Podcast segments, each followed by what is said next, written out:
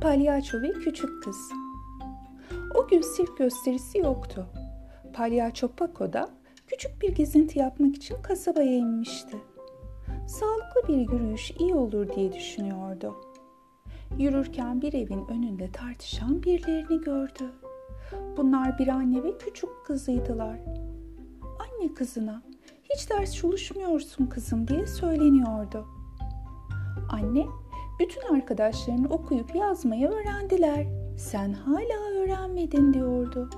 Küçük kız en az ilkokul ikinci sınıfta okuyor olmalıydı. Paco, bu kız acaba hala neden okuma yazma öğrenmemiş diye sordu kendi kendine. Anne kızı için çok üzülüyordu. Küçük kız ise hiç umursamaz gibi davranıyordu. Paco, küçük kızın derslerine çalışması için ne yapabileceğini düşündü. Sonra kendi kendine buldum dedi sevinçle. Küçük kızın dışarıya çıkmasını beklemeye başladı. Derken küçük kız dışarıya çıktı. Palyaçoyu görünce sevinçle ona doğru koştu. Kız yanına gelince Paco hıçkıra hıçkıra ağlamaya başladı. Neden ağlıyorsun diye sordu küçük kız. Ailemden bir mektup aldım onun için ağlıyorum dedi Paco. Küçük kız mektupta ne yazıyor ki diye sordu. Paco bilmiyorum okuma yazma bilmediğim için de okuyamıyorum onun için ağlıyorum dedi. Sonra da mektubumu benim için okuyabilir misin diye sordu küçük kıza. Ee, şey ben dedi kız utana sıkıla. Palyaço için çok üzülmüştü.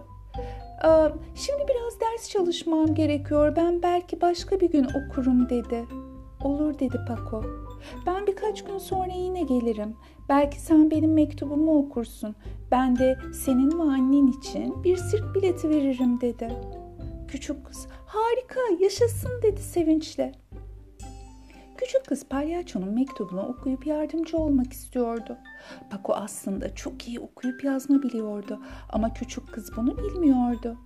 Küçük kız o akşam her zaman olduğu gibi ders kitaplarını bir kenara atıp televizyon seyretmeye gitmedi. Kitabını, defterini aldı. Doğruca odasına koştu. Annesi bu duruma gerçekten çok şaşırmıştı. Yorulmadan hırsla ders çalışmaya başladı. Küçük kız azimle derslerine çalışıyordu. Günler sonra palyaço elinde bir mektupla geldi. Küçük kız mektubu hiç zorlanmadan okudu. Annesi palyaçonun bu küçük oyununu anlamıştı. Palyaçoya teşekkür etti. Palyaço da söz verdiği gibi mektubunu okuyan küçük kız ve annesini sirk için birer bilet hediye etti.